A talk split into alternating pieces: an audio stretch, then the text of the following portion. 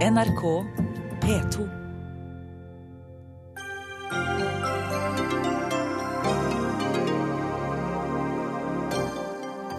Norske Penn vil nå bruke initiativretten og be UDI realitetsbehandle Edvard Snowdens søknad om politisk asyl. Tidligere i dag fikk Snowden avslag fordi søknaden ble sendt fra et annet land. LO bestemmer Arbeiderpartiets arbeidslivspolitikk, mener NHO. Likevel får Ap karakteren fire. Og mor føder mens far oppdaterer Facebook med bilder. Jordmødrene er bekymret.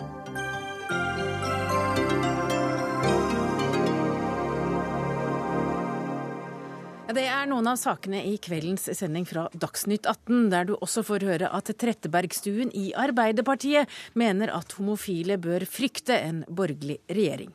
Velkommen til sending. Jeg heter Hege Holm. Og aller først så skal vi altså til karakterboka som Næringslivets hovedorganisasjon har laget.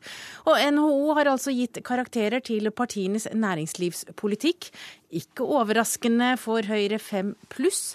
Arbeiderpartiet får en firer, og i P2s Nyhetsmorgen så hørte vi deg si, administrerende direktør Kristin Skogen Lund, at hadde det ikke vært for at Arbeiderpartiet lar seg dirigere eller diktere av LO, så ville de fått høyere karakter. Dette må du forklare. Ja, altså det vi ser er at Arbeiderpartiet generelt har mye god næringslivspolitikk og snakker ofte eh, mye riktig rundt næringslivet. Men så ser vi at når det kommer til særlig arbeidslivspolitikken, og for så vidt enkelte deler rundt modernisering og effektivisering av offentlig sektor, så gis det lett etter for eh, LOs krav. Og det gjør at vi mener at eller det gjør at vi trekker ganske mye ned på de områdene på Arbeiderpartiets partiprogram, og det gjør at de kommer dårligere ut. Når du sier det slik du gjør det, så høres det ut som du er helt sikker på at Arbeiderpartiet egentlig ikke er enig med LO, men at de bare lar seg diktere for å holde fred i huset? Det skal jeg være veldig forsiktig med å påstå, selvfølgelig. Men jeg tør jo påstå likevel at på noen områder, som f.eks. pensjonspolitikken, hvor Arbeiderpartiet så iherdig har gått inn for en pensjonsreform, og nå eh, skriver i sitt eget partiprogram at de vil åpne for tariffesting av en ytelsesbasert pensjon, som LO krever, det, det, det vitner om at man da går på kompromiss med ens egen næringspolitikk for å tekkes LO, og derfor så er vi nødt til å trekke dem ned på partibarometeret. Næringsminister Trond Giske, gjør dere det? Lar dere dere presse av LO? Nei, det gjør vi ikke, men det finnes jo saker hvor vi er enige med LO, akkurat som det finnes saker hvor vi er enige med NHO. I går innførte vi CO2-kompensasjon for industrien i Norge. Det var en sak NHO var svært opptatt av. I går ble det lettere å drive aksjeselskap. Forenklinger som betyr mye for bedrifter. Det er en sak som NHO har vært veldig opptatt av. Ja, Dere har jo fått en firer. Ja da. Og så er det da en del som det er velkjent at NHO og LO er uenige om ting som handler om stillingsvernet, om arbeidsmiljølov, om tryggheten på arbeidsplassen. Og der er vi mer enig med LO enn med NHO. Nå, men pensjon, som, hun, som Kristin Skogen Lund nevnte her, er det en sak der dere har latt dere presse av LO? Nei, altså vi lar oss ikke presse av LO, men der vi er enige med LO, så konkluderer vårt landsmøte, for det er jo Arbeiderpartiets landsmøte som vedtar partiprogrammet til Arbeiderpartiet, det vi mener er riktig politikk. Men jeg vil jo også legge til at i motsetning til den gangen jeg gikk på skolen eller på universitetet, så er jo den karakterboka her en litt annen form, fordi at den gir oss da karakter for hva NHO tenker vi skal gjøre de neste fire årene. Hvis vi fikk karakter på sånn som vi ofte gikk, fikk på skolen, på hva vi faktisk hadde utført, så vil jeg jo si at 350 000 arbeidsplasser flere i løpet av den perioden vi har styrt, er midt oppi en finanskrise. Det burde borge for en enda bedre karakter enn det vi har fått. Du skal få komme tilbake til skrittlista som du har lagt fram tidligere i dag, Giske. Men, men, vi holder oss til karakterboka di, for du har gitt karakter til Høyre også. De har fått fem pluss. Hva er det som mangler? Det er jo, en, det er jo ikke seks. Nei, eh, Høyre trekkes også litt ned på arbeidslivspolitikken, faktisk. Det er fordi en firer. Eh, for øvrig så får de femmere og seksere. Eh, Høyre får høy karakter rundt kompetanse og utdanning. Skattepolitikk. Vi trekker litt ned for at de vil fjerne fedrekvoten, bl.a. på arbeidslivspolitikken. Og en del andre mindre ting. Men fem pluss må jo sies å være en veldig pen karakter, da. Ja, Næringspolitisk talsmann i Høyre, Svein Flåtten. Er du fornøyd med fem pluss? Ja, det må vi være fornøyd med. Det vil alltid være noen skjønnhetsflekker ved alt. og det betyr også at Så fedrekvoten det er altså en eh, skjønnhetsflekk, at dere vil fjerne den? I det store bildet så mener jeg faktisk at det er det når det gjelder eh, næringspolitikken vår, selv om den er eh, viktig nok. Men det som er aller viktigst, er at vi faktisk holder stillingen på disse barometerne. Vi har alltid ligget best an. Og det betyr at vi også har en næringspolitikk som er god for de kommende fire årene. Og jeg må si jeg er uenig med næringsministeren når han sier at karakterbøker skal i politikk skal deles ut for det som har vært gjort. Eh, sånn bør det ikke være. Karakterbøker i politikk deles ut for det man har tenkt å gjøre, og det er jo nettopp den endelige karakterene vi skal få i september måned. Ikke for det vi har gjort, men for det man har tenkt å gjøre. Ja, og Giske, skal vi gå til deg da, for i dag har du også oppsummert eh, nærings- og handelspolitikken det siste året. Og der sa du at de gode tidene i Norge ikke fortsetter av seg selv, og at man må holde igjen på pengebruken. Det er en nøkkelfaktor for at det skal gå bra. På hvilken eh, måte tenker regjeringen at man skal holde igjen på pengebruken? Ja, Det er jo denne berømte handlingsregelen da, som veldig få går i demonstrasjonstog for, men som konkurranseutsatt eh, næringsliv eh, veldig godt vet eh, er avgjørende for at de ikke skal bli utkonkurrert. Hvis vi ikke holder igjen på den pengebruken, men øker presset i norsk økonomi mer enn det det tåler, så vil høyere kronekurs, høyere rente i Norge gjøre at den konkurranseutsatte industrien eh, miste sin evne til å slåss ute på tøffe internasjonale markeder. Men at, Betyr det at dere vil endre handlingsregelen? I dag er det vel 4 av eh, overskuddet på oljefondet, men, eh, men, dere vil senke til kanskje 3% sånn som noen har foreslått? Eh, nei, vi vil følge handlingsregelen, men den sier jo at eh, den skal tilpasses den norske økonomien. Nå bruker vi om lag 3 eh, og det mener vi er et riktig nivå, for vi er ganske nær full kapasitet i norsk økonomi. Eh, vi ser eh, at enkelte bransjer sliter tungt. Vi hørte hvordan Tofte ble lagt ned i går. Og Det er bare å være tydelig på eh, at pengebruken skal være ansvarlig, og samtidig sørge for at vi bruker penger på forskning, innovasjon, nyskaping, infrastruktur osv. At vi kan være konkurransedyktige. Og vi ser at krisa i Europa har blitt dypere og lengre enn kanskje noen har trodd. Nå har arbeidsløsheten passert 12% 27 millioner arbeidsløse snart i Europa. Eh, de har hatt nedgang, eh, ikke bare manglende vekst, men nedgang i sin økonomi seks kvartal på rad. Og vi eksporterer 70% av varene og tjenestene våre til, til dette markedet. Og da, da, rammes også vi, så vi skal være forberedt på at det kan bli eh, tøffe tak, og at krisa overhodet ikke er over. Kristin Skogen Lund, dette er vel en bekymring du i høyeste grad deler med næringsministeren. Hva mener du må til for, for at vi ikke skal havne i det samme uføret som veldig mange land rundt oss? Og Da må vi klare å opprettholde konkurransekraften. Og Det som er krevende nå, er at mens vårt kostnadsnivå har økt ganske kraftig, så har man jo holdt igjen i Europa hvor det er krise. Så dette gapet mellom oss og Europa det har økt. Og vi har nå et kostnadsnivå som ligger på rundt 70 høyere enn vektet de vi, sam, de vi, samhandler med. Men likevel går det jo bra med Norge? Jo, men det vil si at vi skal faktisk være 70% mer produktive for å forsvare det. Og så har vi fått drahjelp ved at vi har hatt høye råvarepriser, vi har hatt gode, gode tider i oljebransjen. Og vi har hatt et, et gunstig bytteforhold, som det heter. Det har vært billige ting vi har importert, og så har det vært dyre priser på det vi har eksportert. Men det er en midlertidig tilstand, og vi kan ikke forvente å klare å opprettholde den forskjellen. Så vi er nødt til å ta et tak og se på hvordan vi kan uh, føre en eh, økonomisk politikk som minsker de forholdene for at vi skal sikre konkurransekraften fremover. Og Hva mener du er det viktigste da? Nei, en, en ting som, For å ta Tofte som et eksempel. Da, nå er det ikke sikkert at alle bedrifter har livets rett, men jeg tror det vi skal lære lære av Tofte, det var at det er et anlegg hvor det har vært underinvestert i lang tid. Eh, slik at det var det dårlig, dårligste anlegget til Sødra selv, og da er det det som legges ned når, når markedene butter. Og det kommer, eh, Grunnen til at man ikke har investert nok i disse anleggene i Norge, er jo at her er det både dyrere lønnskostnadsmessig, men også en ulempe i forhold til transport og samferdsel og andre ting, som gjør at disse selskapene investerer andre steder enn i Norge. Så jeg tror dessverre vi må forberede oss på at eh, Tofte nok er et eksempel eh, som vi vil eh, kunne se mer av. For vi ser at det er en kraftig underinvestering i industrien i Norge.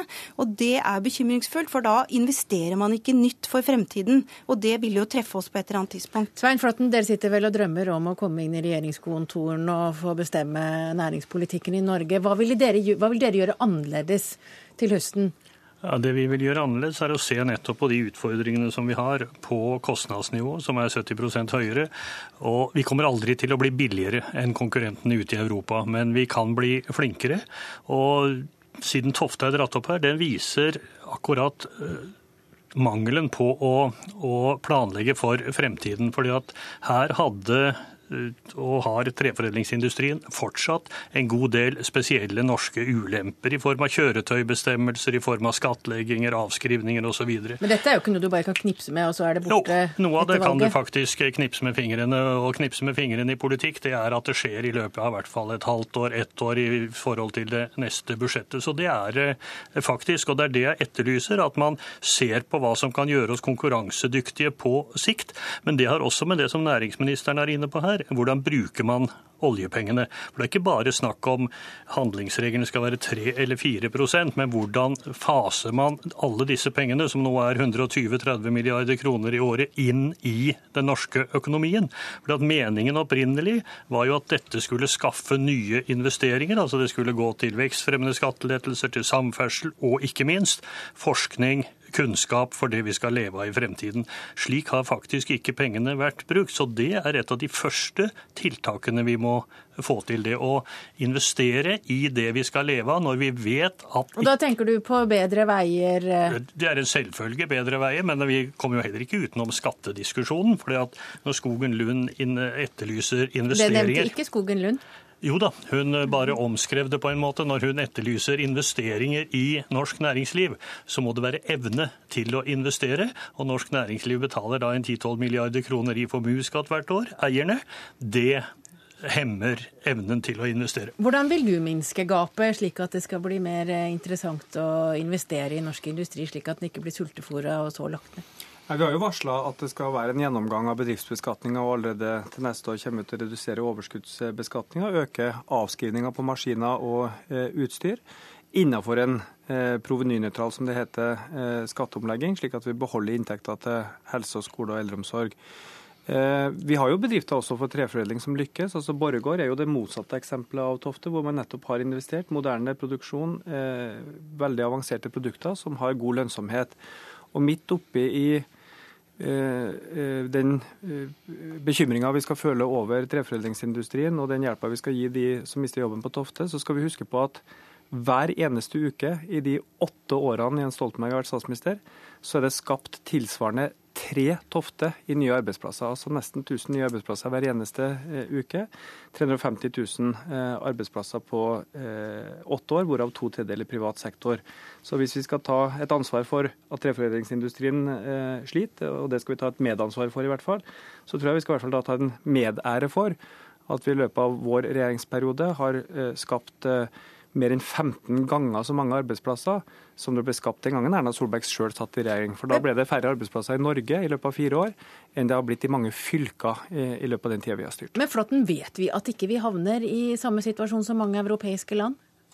Ja, ved å føre en eh, ansvarlig økonomisk eh, politikk. Men det sier jo alle politikere at de gjør, uansett om de sitter i Hellas eller om de sitter i Danmark eller Nei, om de sitter i Norge? Jeg tror nok de har renonsert litt på det, særlig i Hellas og i det sydlige Europa. Så vi må holde oss til handlingsregler. Vi må føre en, en ansvarlig økonomisk politikk, men vi må også føre en politikk som stimulerer til investeringer hjemme her. Og da må vi ta vekk en del av de spesielle norske ulempene som jeg snakker om. Altså skatte- og avgiftssystemet i Norge er en spesiell ulempe. Du skal ganske langt for å finne f.eks. For formuesskatt, og det finnes også andre avgifter. Og Vi så det i Tofte-saken at rett og slett enkle kjøretøybestemmelser bruker man årevis på å få på svensk nivå. Svensk treforedling, som Trond Giske sier, går godt, men det skyldes jo at ikke de har disse spesielle norske ulempene, det, det blant siste, annet. Det siste er feil, fordi at i Sverige har man også i løpet av det siste året hatt fire store nedleggelser i treforedling. Så det skyldes jo også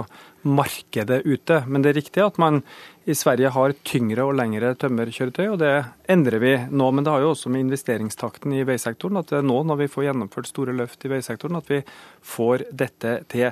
Men bare for å si det, norsk eh, bedriftsskattenivå er ikke spesielt eh, høyt sammenlignet med andre. I Sverige har man en mye høyere arbeidsgiveravgift for eksempel, enn man har i Norge.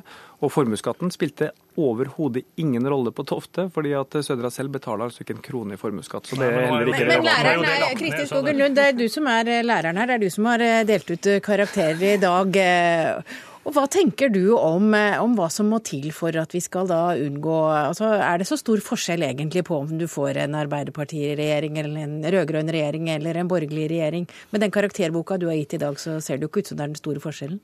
Jo, altså noe forskjell er det. og Det går særlig på arbeidslivspolitikk og det går på skatte- og avgiftspolitikk. Og jeg tror Vi skal også tenke på det at i et Europa nå som prøver å gjenvinne veksten, så senker de skatte- og avgiftsnivået. ikke sant? Bedriftsbeskatten i flere, den har vært 28% den er på vei ned mot 20-22% i de landene vi eh, handler mest med.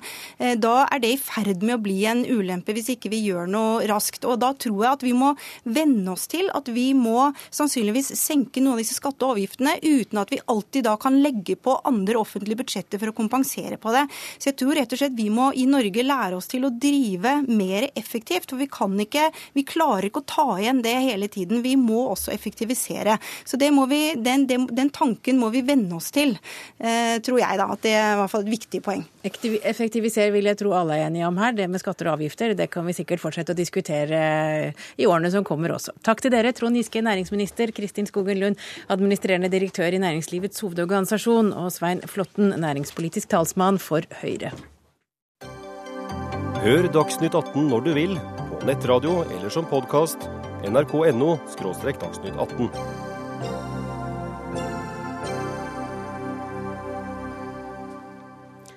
Vi skal til Egypt. I dag har president Obama ringt sin egyptiske kollega Mohammed Morsi, og Obama ba en hardt presset Morsi om å lytte til det egyptiske folk. I går trakk seks ministre seg, og ytterligere to andre har unnlatt å dukke opp på et planlagt regjeringsmøte i dag. Og dette skjer altså etter at flere hundre tusen egyptere de siste dagene har protestert mot landets myndigheter og president Mohammed Morsis regime. Jan Espen Kruse, du har vel omtrent omtrent akkurat kommet til Tahir-plassen i Kairo, Egypts hovedstad. Hva skjer der akkurat nå? Ja, Det er samla titusenvis av mennesker her, eh, og folk strømmer på. Eh, de har med seg egyptiske flagg. Noen bærer skilt, røde skilt hvor det står eh, 'Kom deg vekk', og de er vel myntet på president Morsi da. sånn at det er en ganske stor menneskemengde som kommer til å samles her på Tarifplassen i løpet av kvelden. I går fikk jo Mohammed Morsi en frist på 48 timer fra hæren for å ordne opp. Nå har han et døgn igjen. Hva kan han gjøre? Nei, han er eh, veldig presset og blir mer presset eh, hele tiden. Nå sier jo eh, hæren også at eh, når den fristen går ut i morgen, hvis ingenting da har skjedd, hvis ikke situasjonen har blitt eh, bedre, så vil de oppløse parlamentet og sette Grunnloven til side. Og det er jo veldig dramatisk.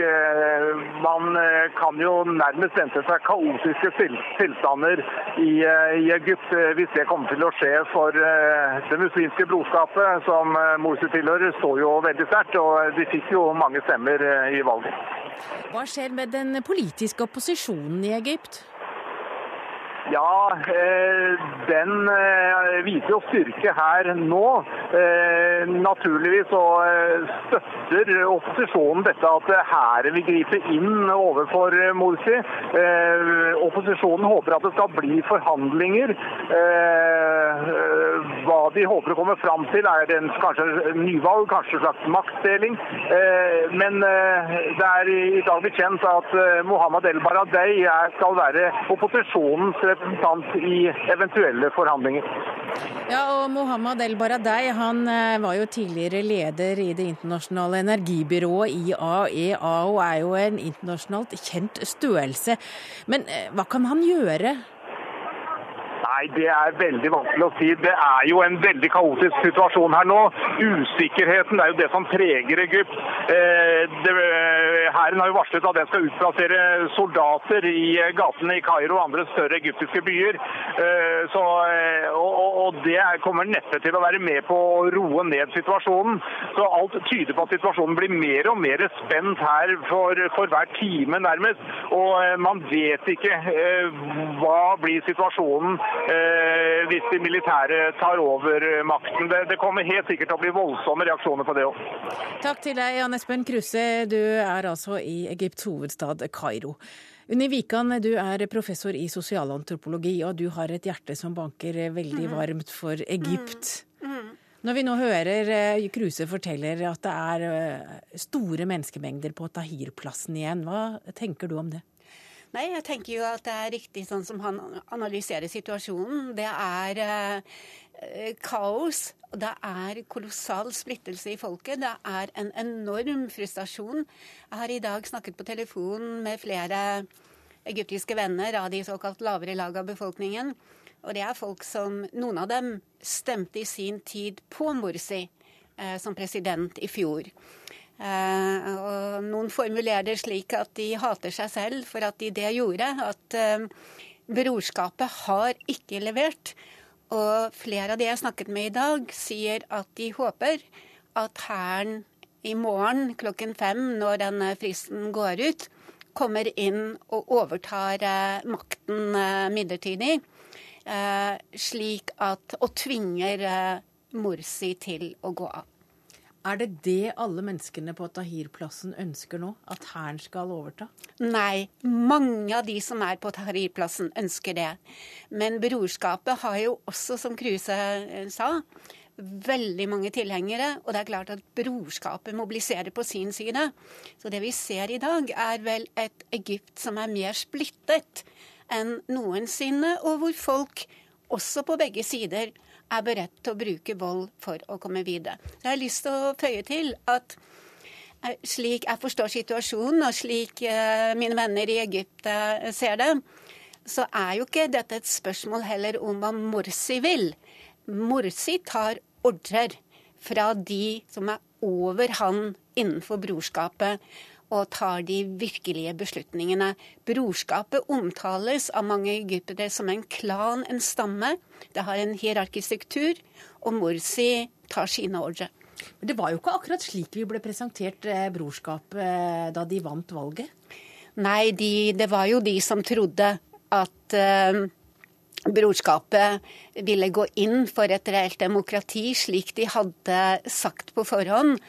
Eh, noen av oss som kjenner andre av oss, var skeptiske og trodde aldri at det var noe mer enn fine ord. Eh, det er en, en sterk frustrasjon jeg hører i dag fra folk som har støttet brorskapet, er at brorskapet prøver å ta eierskap på islam. Veldig mange er i harnisk fordi at brorskapet sier at deres islam er den rette islam, og du er ikke muslim hvis du ikke er med oss. Det fører også til at mange som eh, var for brorskapet, nå eh, ser på dem som eh, ja, en, en type despoter. Men er dette et ledd i veien, eller et, et, steg på veien til et demokrati, eller er dette et steg på veien inn i et fullstendig kaos? Nei, for folk håper at det er et steg inn i veien på demokrati. Og flere av de jeg har snakket med i dag, eh, sier at de er håpefulle. Dersom Hæren i morgen tar over, så vil de se det som et skritt i riktig retning. Men det er klart at de som er på brorskapets side, vil jo eh, på den annen side se det som et nederlag. Og, og Morsi er jo demokratisk valgt. Eh, Morsi er demokratisk valgt, det er helt riktig, men den nasjonalforsamlingen eh, som i sin tid eh, ble valgt, den er jo blitt oppløst. For det viser seg at der var det der hadde man ikke fulgt reglementet, for å si det sånn. Unni Wikan, er du optimist eller pessimist? Oh, pragmatisk realist. Eh, dette kommer til å ta tid. Eh, men det er en Jeg er glad og ser håp i det at det egyptiske folket mobiliserer for et demokrati. Takk til deg, Unni Wikan, professor i sosialantropologi.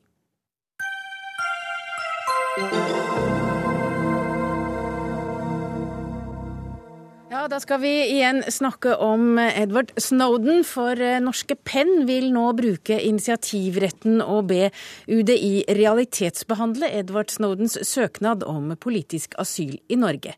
Tidligere i dag ble søknaden avslått fordi den kom fra et annet land. Snowden har også søkt om asyl i 19 andre land. Og William Nygaard, du leder norske Penn. Hva betyr det at dere nå vil bruke initiativretten? Vi syns at med det som nokså nylig har skjedd i Norge, med åpenhet og demokrati som et slagord for regjering, så plasserer Norge seg i en helt spesiell situasjon. Og det er helt, helt åpenbart at Norge er et av de land i Europa som kan ta et initiativ og nettopp sikre at Snowden får en en nøytralisert forfølgelse, at spionanklagen legges til side ved at vi sier som så at en kvoteflyktningsinstitutt kan benyttes for å bringe Snowden i fred til Norge for å få en rolig og balansert behandling av hans situasjon. Men nå har jo UDI allerede sagt nei til Snowdens søknad?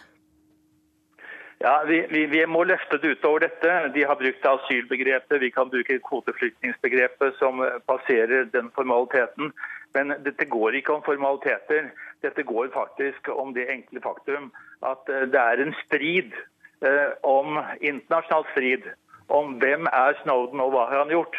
Hvis Snowden ikke har gjort noe kriminelt annet enn å varsle om noe som er kriminelt, nemlig at eh, de som faktisk varsler, skal bli utsatt for, for rettsforfølgelse i stedet for de som er ansvarlig for at en, en, en, trussel går ut. Det er viktig at vi nå får Snowden ut fra et ytringsfrihetsperspektiv, ut fra et menneskerettighetsperspektiv, ut fra artikkel 14 i, i menneskerettserklæringen, rett og slett få brakt han inn i et fredelig farvann, hvor han fortjener å få bli lyttet til. Det betyr at norske Penn er helt sikker på at Snowden altså er en varsler og ikke en lovbryter? Altså, Ingen er sikker på noe, men dette er et politisk definisjon. Det er det som er poenget. At USA benytter spionbegrepet er knyttet til den unntaksretten som de da straks bringer Snowden inn i. Det er vår plikt som menneskerettighetsorganisasjon som ytringsfrihetsorganisasjon nettopp å sikre at dette møtes med, med kritisk motstand. Og det er Norge, Dette har Norge en god tradisjon for, og vi har opplevd skrekkelige ting. Vi har bruker åpenhet og demokrati som slagord, og dette er en god anledning til å vise at, at retorikk også duger i praksis. Og UDI vil ikke være med i Dagsnytt 18 i kveld, men de sier at søknaden blir tatt til etterretning, og at de vil behandle søknaden når den kommer. Men vi har med oss flere her. Hallgeir Langeland, du er stortingsrepresentant for SV, og du mener rett ut at Norge bør gi Snowden asyl. Hvorfor det?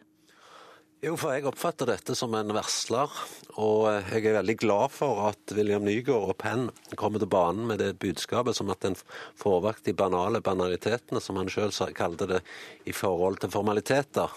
For her snakker vi altså om en som har avslørt uh, ulovlig aktivitet der bl.a. Eh, vestlige land, ambassader, har blitt overvåka, og der folk flest kan bli overvåka. I det hele tatt så er dette grovt i forhold til ikke minst det som Nygaard inne på menneskerettigheter, og da må vi sørge for at han får en eh, god behandling i, i bl.a. i Norge. og eh, Jeg mener at han absolutt bør kunne få asyl her. Gjermund Hagesæter, du er stortingsrepresentant for Fremskrittspartiet. og Hvordan stiller Fremskrittspartiet seg til en asylsøknad fra Edvard Snowden?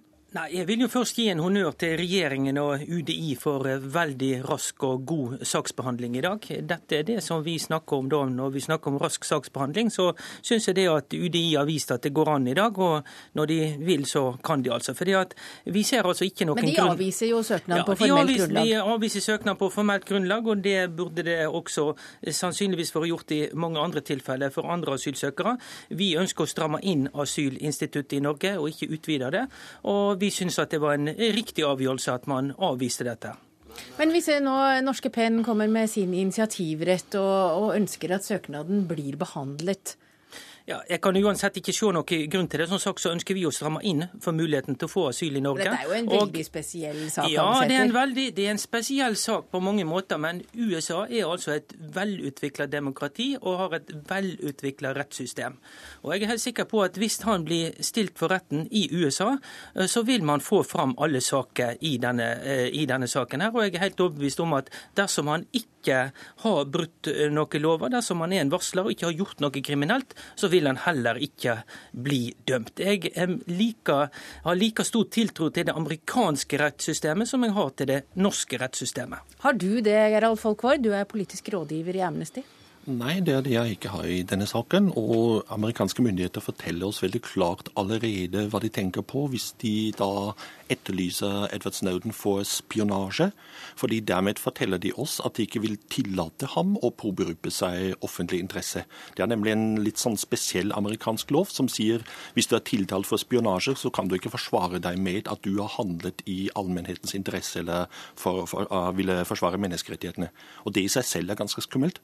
Og så har vi også merket oss at amerikanske myndigheter opp til presidenten allerede har forhåndsdømt uh, Snowden, så sjansen for ham å få en rettferdig rettssak, hvor han selv får mulighet til å forsvare seg fullt ut, er ikke så veldig store. Og Det siste punktet er at vi har sett i lignende tilfeller at de som ble da mm, arrestert som, som eh, varsler eller for å ha lekket informasjon, de var også utsatt for ganske omfattende, grusomme og nedverdigende behandling i fengsel. og Det er også noe Snowden risikerer. Men, men, er ikke det eh, grenseoppgangen mellom en lovbryter, en varsler, øh, vanskelig å gå for oss som står utenfor? I utgangspunktet er det selvfølgelig vanskelig, men uh, grunnprinsippet er at ingen skal straffeforfølges for å ha avslørt menneskerettighetsbrudd. Og Det er det Snowden har gjort, og det er det amerikanske myndigheter jakter på ham for. De burde egentlig være takknemlige for ham for at han har avslørt dette. Isteden har de bestemt seg for å si nei, det de gjør, det mener de. de uh, presidenten forsvarer den hele avlyttingen, og heller går etter Snowden, som har informert den amerikanske offentligheten om hva myndighetene egentlig holder på med. Og Det syns jeg Amnesty har et veldig godt poeng, for her har han altså forhåndsdømt Snowden. Og det gjør jo veldig vanskelig å vite at når du sender han tilbake til USA, så risikerer han en behandling som ikke er verdig. Vi trenger ikke bli så Guatánamo, men det, det, vi vet ikke helt hvordan dette kommer til å gå. Og så er jeg jo enig med, med Fremskrittspartiet at denne saksbehandlingen har vært veldig raskt. og det, det er kunne lure på om det her har vært et politisk press for å få en rask avgjørelse. For sjelden har jeg sett så raske avgjørelser. Men det er poenget, vanskelig poenget... å si, Langland. Vi har ikke med oss noen fra verken UDI eller Justisdepartementet her. Men poenget er at uh, denne saken er politisk viktig for, for, oss. Og vi må ikke bli sånn som Fremskrittspartiet framstår i dag. altså Der en på en måte bare la være å snakke om selve saken, men snakke om en person. Og ikke om innholdet i det som faktisk har skjedd, nemlig at det har skjedd ulovlig overvåkning, brudd på menneskerettigheter. Og det vil ikke Fremskrittspartiet snakke om, det registrerer jeg. Og så registrerer jeg òg at Fremskrittspartiet sto sammen med oss når det gjaldt datalagringsdirektivet, men nå godtar de altså at amerikanerne overkjører både andre vestlige land, Frankrike, Tyskland, overvåker der, og samtidig ikke vil kritisere USA for den virksomheten. Det er beklagelig. Det er, helt, det er, helt, feil at ikke vi vil kritisere USA for det. Dersom det har foregått ulovlig overvåking av norske statsborgere, så er det helt uakseptabelt. Og Det må vi slå ned på. Det må vi kritisere USA for. Det må vi ta opp med USA. Men her er det altså uh, dette her med uh, en asylsøker som må komme. og det, det, er jo for så vidt ikke noe nytt at Hallgeir Langeland vil ønske flere asylsøkere velkommen, og at de skal få asyl i Norge. Han vil jo åpne alle sluser, alle bauger og portene. Men nå snakker vi om en helt spesiell sak og ikke jo, norsk asylpolitikk altså, generelt. Jo, men altså, poenget er det at det ønsker SV. De ønsker å åpne alle porter, alle bauger, for å få flest mulig inn til Norge omtrent. Det ønsker ikke vi. Eh, og Jeg har altså tiltro til det amerikanske rettssystemet. Eh, og jeg har tiltro til at selv om det kanskje har vært tendenser til forhåndsdømming, slik det også er i mange saker i Norge, så tror jeg det at rettssystemet i, Nor i USA har eh, kapasitet og har evne i seg til å se utenom det og, og gi han rettferdig Syns du det om Guantánamo-behandlingen, at det er en rettsstatsverdig? Det, nå skal ikke vi gå inn på det, det og det er jo på grunn av, dette er jo krig og krigsfanger osv. Det er det ikke snakk om her i dette tilfellet. Men, men jeg mener det at vi må slå ta opp med USA dersom det er foregått noe ulovlig. og Det mener jeg at Holger Landeland kunne heller konsentrere seg om. At regjeringen tar kontakt med USA og finner ut om det altså er noe i dette. Vi kan ikke sitte her og si om eh, en person er skyldig eller uskyldig ut ifra den informasjonen vi har. Det må det altså være et rettssystem i et demokrati, en rettsprosess, som avgjør. Det kan ikke vi som politikere sitte og avgjøre. Vi kan jo liksom godt gjøre det som de gjør i Tyskland, Frankrike, Italia, Hellas. Kritisere USA. Det gjør òg Norge nå, mm. etter EU kom på banen. og det, Den kritikken bør Fremskrittspartiet òg slutte opp om. Men jeg hører at han ikke vil snakke om det i det hele tatt. Han vil snakke om kun asylpolitikk knyttet opp mot en amerikaner som vil komme til Norge. Normalt så ville Fremskrittspartiet stått med vidåpne armer, men her er det altså den servilitet i forhold til USA som kommer til syne igjen. Men, men handler dette om Norges forhold til eh, USA, Hagesæter? At det er vanskelig for oss å, å, å ta i Snowden fordi er, det er så følsomt for USA? Nei, det vil jeg ikke si at det er vanskelig. Men det er klart at USA har Hvis vi ga Snowden asyl, tror du ikke at det ville skape problemer i forholdet mellom Norge og USA? Ja, Det kan godt hende, det ønsker jeg ikke å spekulere i. Men det er klart at det er lettere å håndtere en slik sak når vi vet at USA er et velutvikla demokrati og et velutvikla rettssystem. Hadde dette vært et afrikansk land eh, som ikke, hadde, ikke var demokratisk og ikke hadde et rettssystem etter våre standarder, og våre normer, så ville saken kanskje vært en annen. Eh, men her vet vi at, eh, at, eh, jeg har i hvert fall full tillit til det amerikanske rettssystemet. Og jeg tror det at det vil skje i en rettssak, vil skje i offentlighet, der alle saker, alle sider vil komme fram. Ja, Hva vil skje med Snowden hvis han blir returnert til USA? Ja, altså For det første vil jeg gjerne si at uh, jeg, jeg syns det er litt uh, merkelig denne argumentasjonsrekken man hører fra myndigheter i flere land, at de fra den ene siden er veldig glade for disse informasjonene og nå protesterer til USA og ber om mer opplysninger, er veldig takknemlige til Snowden, men samtidig alle sammen feiger ut når det gjelder faktisk å gi ham beskyttelse. og så ja, som Det er vel ingen som har sagt ja til å ta imot han ennå? Nei, rett og slett ikke. Og Norge, ikke, Norge, vil ikke engang gi ham en rettferdig asylsak. Uh, så da ser man hvor mektig og hvor viktig USA egentlig er. Men altså, det Snowden konkret risikerer, ser vi for det første i eh, flere andre saker. F.eks. saken til Bradley Manning, som har jo, vært, har jo fått en del oppmerksomhet. Som i, i, mange måneder ble holdt i fullstendig isolasjon. Ble nedverdiget, ydmyket feng, i fengselet på mange måter. Veldig tydelig med det eneste formålet om å knuse ham. Det risikerer også Snowden. Og uh, som jeg var inne på før, uh, myndighetene i USA jobber allerede nå med å kutte ut Snowdens viktigste muligheter til å forsvare seg. Rett og slett fra første øyeblikk stille ham frem og rettsforfølge ham som en forræder og en spion, istedenfor overhodet gi ham mulighet til å forsvare og argumentere for at han som tjenestemann gjorde sin plikt med å informere det amerikanske folket om hvordan amerikanske myndigheter bryter deres rettigheter.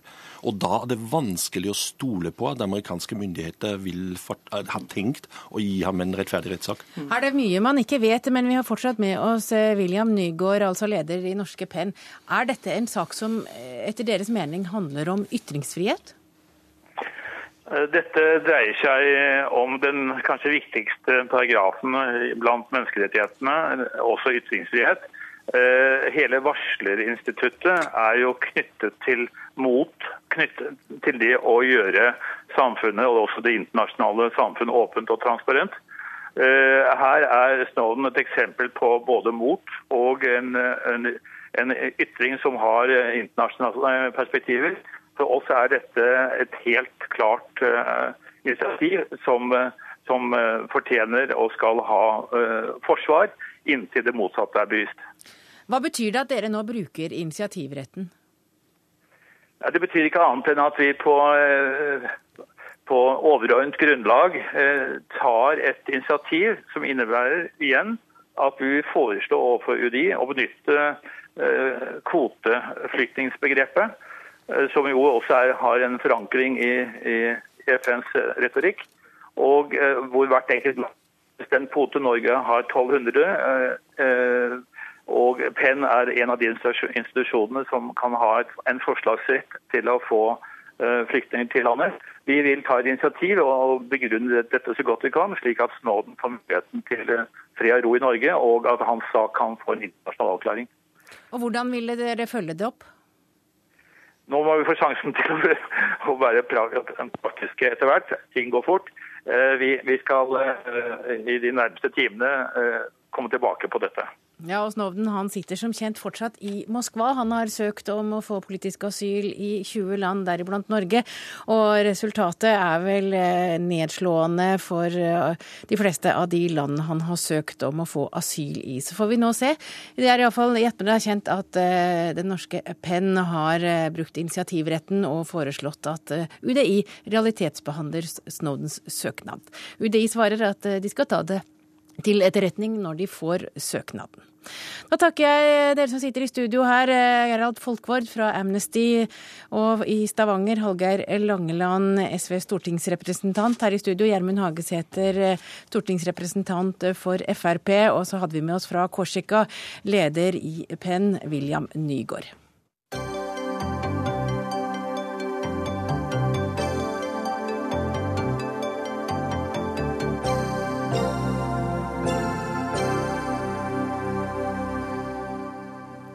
På mange områder så er Norge i ferd med å bli et ganske sommerstille land, men valgkampen den hviler ikke. Skittkasting og fiendebilder produseres fortløpende. Lørdag satte Aps Anette Trettebergstuen sinne i kok da hun sa at homofile kan få det verre under en borgerlig regjering. Og Anette Trettebergstuen, det kan jo virke som om du vil skremme homofile fra å stemme borgerlig?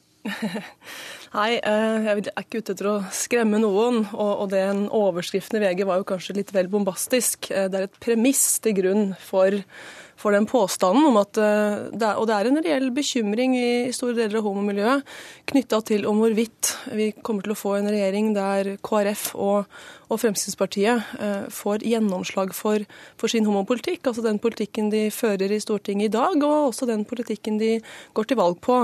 Og, og med det så mener jeg konkret at KrF eh, går jo faktisk til valg på å frata homofile og lesbiske rettigheter vi i dag har. Mens, mens Fremskrittspartiet de tok et, et, oppgjør med dette på sitt landsmøte. Eh, det var en knipen seier til de som ønsket å beholde ekteskapsloven. Det er bra. Men eh, vi ser at Fremskrittspartiet i, i budsjettene i Stortinget kutter støtten til viktige homoorganisasjoner. Altså jeg vil si de som i hverdagen gjør den viktigste kampen for å bringe eh, homokampen videre. Altså LLH og Skeiv Verden og, og, den type organisasjoner. Som ville vært uten statsstøtte, hadde Frp fått det som de ville. Eh, det jeg har sagt, og det som var eh, målet mitt med utspillet, var å minne folk om at Ingen av disse rettighetene vi har i dag, har kommet av seg selv. Det har vært en hard politisk kamp, også i denne regjeringsperioden. Uh, men, så du er redd for at, ja, og, at kamper som er kjempet ja, og, vil... ingenting, og, ingenting, har kommet for å bli. Vi må, ikke ta noen ting for, for gitt. Og, jeg deler den bekymringen som f.eks. LLH og Skeiv Verden og disse organisasjonene har. rundt knyttet til Kommer vi til å kunne fortsette vårt arbeid? Mister vi statsstøtten? Eh, og jeg bekymrer meg eh, for eh, en situasjon der KrF skulle få gjennomslag for å, å gå tilbake på ekteskapsloven og frata oss muligheten til assistert befruktning. Nå er altså KrF et parti som har 4,6% oppslutning på målingen målingene for juli, så, mm. så, stor makt har de vel ikke. Og de kunne dessverre ikke stille i Dagsnytt 18 i dag. Og det er da det eneste partiet som har programfestet at de er mot homofil adopsjon og den nye ekteskapsloven. Men eh, Bent Høie, du er helsepolitisk talsmann i Høyre, og du er rett og slett gift med en mann. Er du redd for at eh, det blir borgerlig flertall? Jeg regner med at du ikke er det. Men, men hvordan tolker du Trettebergstues utspill? Nei, altså det er, jo, det er jo som Klassekampen skrev på lederplass i går, det grenser mot parodien. Eh, forrige uke starta med at statsministeren advarte mot et brutalisert Norge. Så ble det advart mot matkrise. Eh, så ble det advart mot at det ble vanskeligere å bli homofil i Norge. Og så avslutta det hele med at kulturministeren spådde avisdød. Sånn at hele forrige uke var eh, prega av at en rød-grønn desperasjon, der en prøver å lage et skremmebilde av eh, politiske motstandere som rett og slett er så langt vekke fra virkeligheten at det begynner, som Klassekampen skriver, å bli en parodi. parodi. Selvfølgelig er det gøy for en høyremann å bruke Klassekampen ja, som sannhetsvitne. Men, men, men, hva er det som ikke er riktig i det Trettebergstuen ja, sier? Det finnes ikke på en måte fnugg av på en måte grunnlag for påstanden om at at verken eh, homofilt ekteskap, som det kalles for da, som vi kaller det for, eller det som vi kaller for felles ekteskapslov, eh, assistert befruktning for lesbiske eller diskrimineringsloven skulle være sterkt trua dersom vi får et regjeringsskifte, som Trettebergstuen sier i, i VG. Eh, diskrimineringsloven, som ble vedtatt rett før to, eh, Stortinget tok sommerferie, eh, stemte alle eh, de partiene som skal inn i en, en, ny regjering for. Ikke minst så var også alle de partiene om, enige om et fellesforslag som i realiteten innebærer en forsterkning av diskrimineringsarbeidet i Norge, i tråd med utvalget sitt arbeid, nemlig å få en universell diskrimineringslov, som ikke regjeringen har fulgt opp, men som de borgerlige partiene sto bakom. Alle partiene i en sånn regjering, utenom eh, Kristelig Folkeparti, er nå for en felles selskapslov.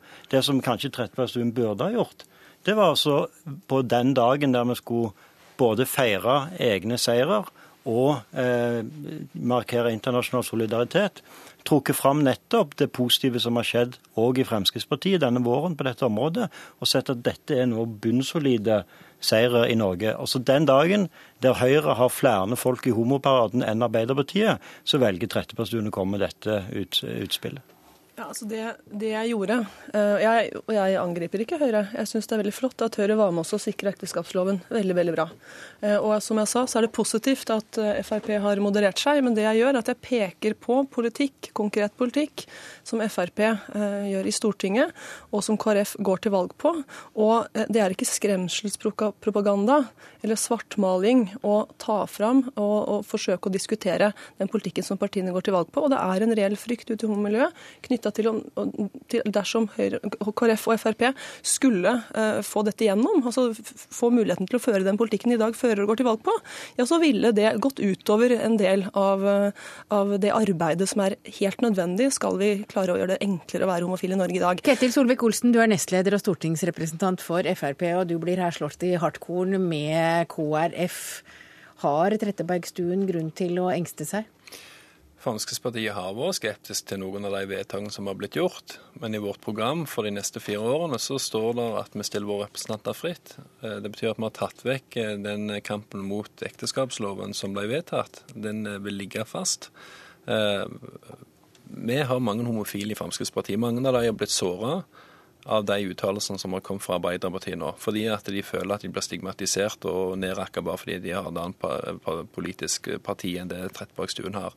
Så det å være homofil betyr jo ikke at du blir en del av arbeiderbevegelsen eller en del av et parti. Dette er folk, dette er individ mange av de driver bedrifter, andre jobber i offentlig sektor. De har alle ulike interesser, alle ulike politiske synspunkt. Og Det later som at eh, hvis du får en blå regjering eller en blå-gull-grønn regjering, så vil deres rettighet og interesser være i fare. Det er jo bare tull. Vi skal sikre rettighetene de har, vi skal sikre kampen mot diskriminering. Det stemte alle partiene for. Eh. Det som jo egentlig dette bunner ned til, det er jo at eh, Trettebergstuen er fornærma fordi at Frp har en holdning der vi ikke ønsker å støtte opp om en del organisasjoner som i dag får støtte på statsbudsjettet. Men Da får en heller ta den kampen om det riktige at lesbiskes lesbiske organisasjoner skal få statsstøtte eller ikke.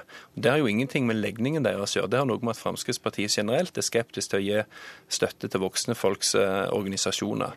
Eh, og Da blir jo det en, en, annen kamp enn det som handler om, om homofili.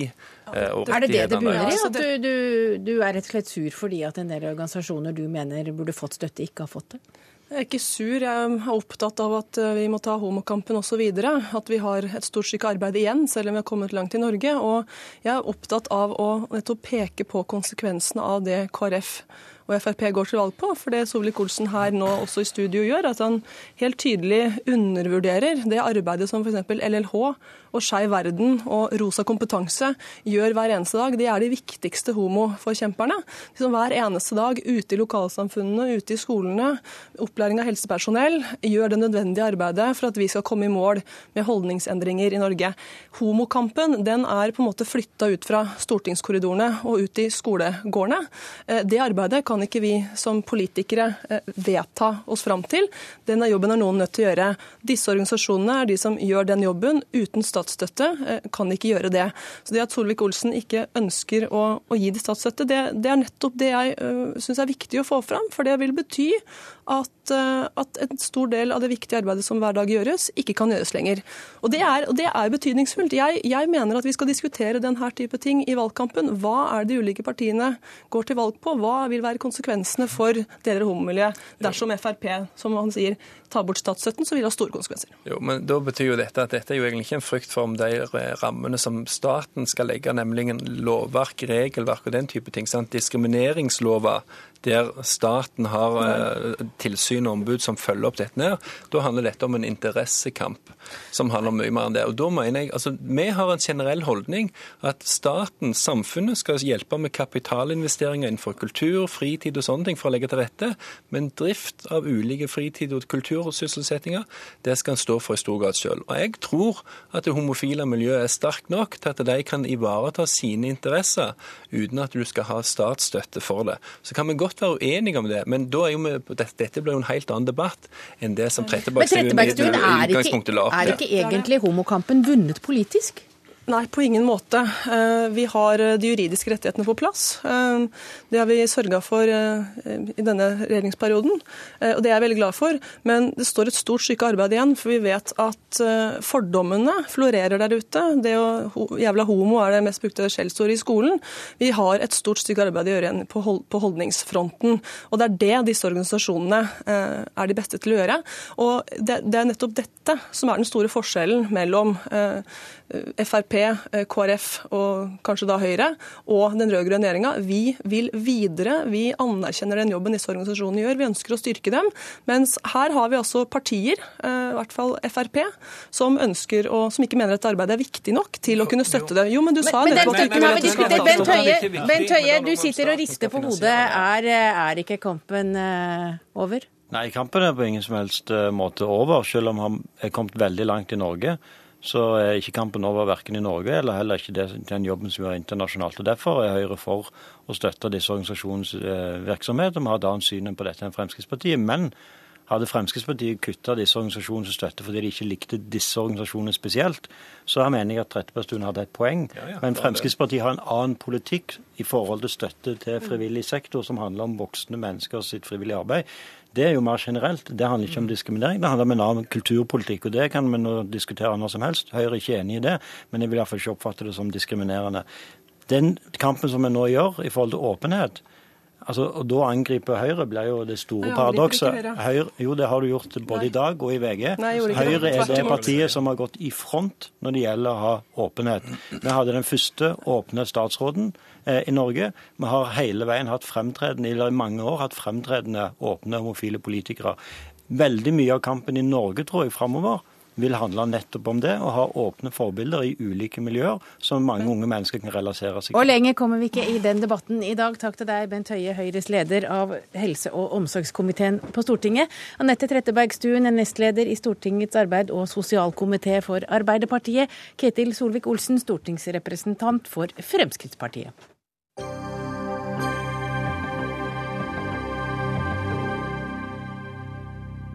Da skal vi inn på fødestua, for eh, nå er det altså slik at eh, mor føder mens far oppdaterer Facebook med bilder. Sosiale medier på fødeavdelingen er blitt vanlig, og nå er Jordmorforeningen bekymret over at unge foreldre ikke klarer å rive seg løs for å delta i vel noe som er det viktigste i livet, nemlig fødsel. Mari Teiberg, leder i Den norske jordmorforeningen. Statusoppdateringer og bildeposting, Twitter og Instagram, er det altså standard på norske fødeavdelinger? Det er, økende, det er, en økende utfordring, for å si det sånn. Eh, vi har jo sett utviklingen de siste 20 årene, fra det var populært å ta vanlige bilder, og så begynte man å filme. og Far liksom gjemte seg litt bak dette filmkameraet. Eh, og nå er det jo mer og mer bruk av andre typer sosiale medier. Eh, mye på Facebook, og også andre typer altså blogger, man tvitrer. Litt forskjellig. Men er det mor som ligger og tvitrer mellom riene? Nei, det er stort sett far. Men etter fødsel så er de kanskje like gode begge to. Men det er far som altså, han har slutta å hjelme seg bak filmkamera, nå, ja. nå, sitter han med telefonen i stedet? Ja, Det gjelder jo selvfølgelig ikke alle, sånn er det jo aldri. Men det er et økende problem. Og jordmødrene rundt omkring sier helt klart ifra at dette begynner å bli en utfordring eh, for mange. Ja, hva er det som da er utfordringen for forskjellene på et filmkamera og en telefon? er jo ikke så stor. Eh, nei, det kan man jo si. Men filmkamera så kan du jo redigere i ettertid. Og jeg tror at det er ganske mange som har filma timevis med opptak som de aldri viser til noen. I dag så er eh, veien ut mye raskere. Det er fort gjort å også sende en SMS f.eks. med et bilde, eller legge ut en melding på Facebook. Nå får jeg eh, ganske ekle bilder i, hodene, i hodet mitt, men hva slags bilder er det far legger ut? Det kan være veldig forskjellig. De fleste legger jo ut bilder av barnet, kanskje. Eller mor, far og barn. Altså, eller mor og mor og barn, eller hva det nå er. Men det er også noen som tar bilder underveis og sender videre, både på SMS eller legger det ut på Facebook. Ja. Og hvorfor er det galt? Det jeg tror at mange som opplever at sånne typer bilder blir lagt ut av seg, de angrer i ettertid. Det er så fort gjort fra du på en måte trykker på sendt til den er på en måte ute der, at man ikke har tenkt igjennom hva som egentlig går ut. Men Er det bilde av barnet du ikke syns de skal sende ut? Eller? Nei, altså bilder fra fødselen f.eks. Jeg har jo vært med på at man f.eks. sender bilde av barnets hode idet det kommer ut på, på SMS til svigermor, f.eks. Altså, nå snakker vi om ekstremtilfellene her. Men det skjer. Og man tenker kanskje ikke om hva man gjør. Det, man blir så ivrig der og da at man handler litt fortere enn det man kanskje har tenkt. Og så sitter far og venter på at noen skal like det han har sendt ut, istedenfor å delta i fødselen? Ja, enten det, eller så blir han kanskje litt flau når han tenker over hva han egentlig har sendt videre etterpå. Og så klarer han ikke helt å delta? Ja, det er også en, en utfordring. Men det er også en utfordring etter fødselen, hvor begge er så veldig opptatt av dette her å få ut ting fortest mulig. Vi snakker selvfølgelig ikke om de som legger ut et bilde av barnet etterpå og forteller at nå har de blitt foreldre. Altså, Jeg har stor forståelse for at man gjerne vil dele men, den Men når nyheten. du snakker om dette her, er, hvor, hvor, stort vil du si at problemet er? det er helt klart økende. Og det sier jordmødrene klart ute på fødeavdelingene, at det er et økende problem. Som de fokuserer mye på i svangerskapet nå, rett og slett for at man skal være litt bevisst. Jeg tror ikke dette er gjort for å, si, være slem eller komme seg vekk fra fødsel. Jeg tror at av og til så er det gjort fordi man ikke tenker seg om rett og slett. Svein Tore Martinsen, du er analytiker av sosiale medier og forfatter av boka 'Sosial kommunikasjon'. Har vi ikke hatt internett så lenge nå at vi bør ha lært?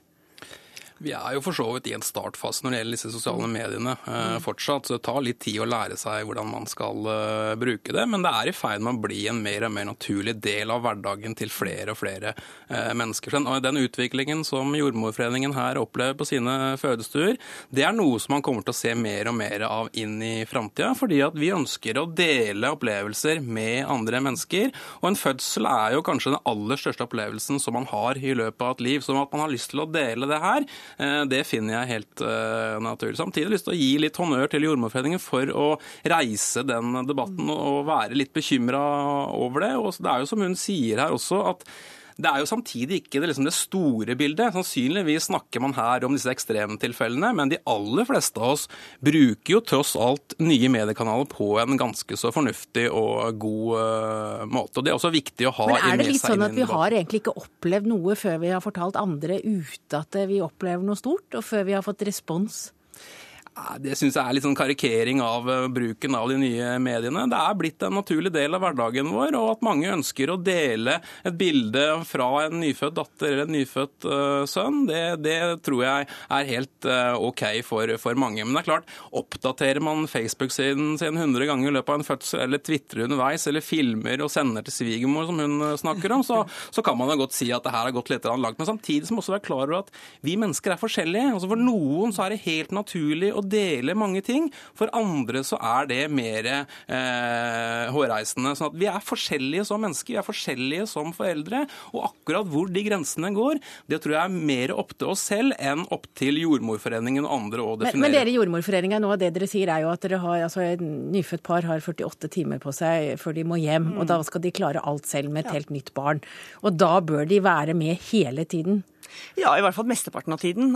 Det vi ser er at det tar mye av tiden, det å legge ut meldinger og, på en måte oppdatere og se hvor mange likes og kommentere på alle gratulasjonene. Så av og til så ser vi jo det at det er istedenfor å kanskje bli kjent med dette barnet, hvem er, det, hvem er dette vidunderet som har kommet til verden, og komme i gang med amming og kanskje få henta seg litt inn etter fødselen, så er det enkelte som bruker veldig mye tid på det å oppdatere seg sjøl hele tida ute på nettet. Og det er den bruken vi, vi advarer mot, ikke den de som legger ut ett bilde og forteller at nå er de blitt foreldre. Men er det noe dere jordmødre får altså Hvis dere sier det, blir dere hørt? Ja, vi gjør det. Eh, og vi prøver å si fra på en ordentlig måte. Og vi ønsker jo overhodet ikke noe forbud. Folk er forskjellige, og jeg tenker at eh, det med sosiale medier det har kommet for å bli. Sånn er det. Men at man kanskje ikke tenker over konsekvensene. Eh, man er, vi er så raske nå med å gjøre dette her, og så kan vi ikke redigere det i ettertid. Og barna de har jo ingen eh, rett til, eller de får ingen Nei. mulighet til å si fra om de vil at uh, hodet deres skal vises Nei. på bildet på Facebook når det kommer ut. Eh, nei. Men, og heller, altså det tror jeg kanskje blir et større problem enn når du vokser opp etter hvert. At vi kanskje der også er ivrige til å legge ut bilder av nakne barn som bader f.eks. Tenker man kanskje ikke alltid over konsekvensene på. Men det er en annen debatt. Takk til dere, Marit Heiberg, leder i Den norske jordmorforening, og Svein Tore Martinsen, analytiker av sosiale medier og forfatter av boken Sosial kommunikasjon. Det var siste sak i denne utgaven av Dagsnytt 18. Ansvarlig for sendingen var Dag Dørum. Teknikken sto Lisbeth Selreite for. Jeg heter Hege Holm, og vi høres igjen i morgen.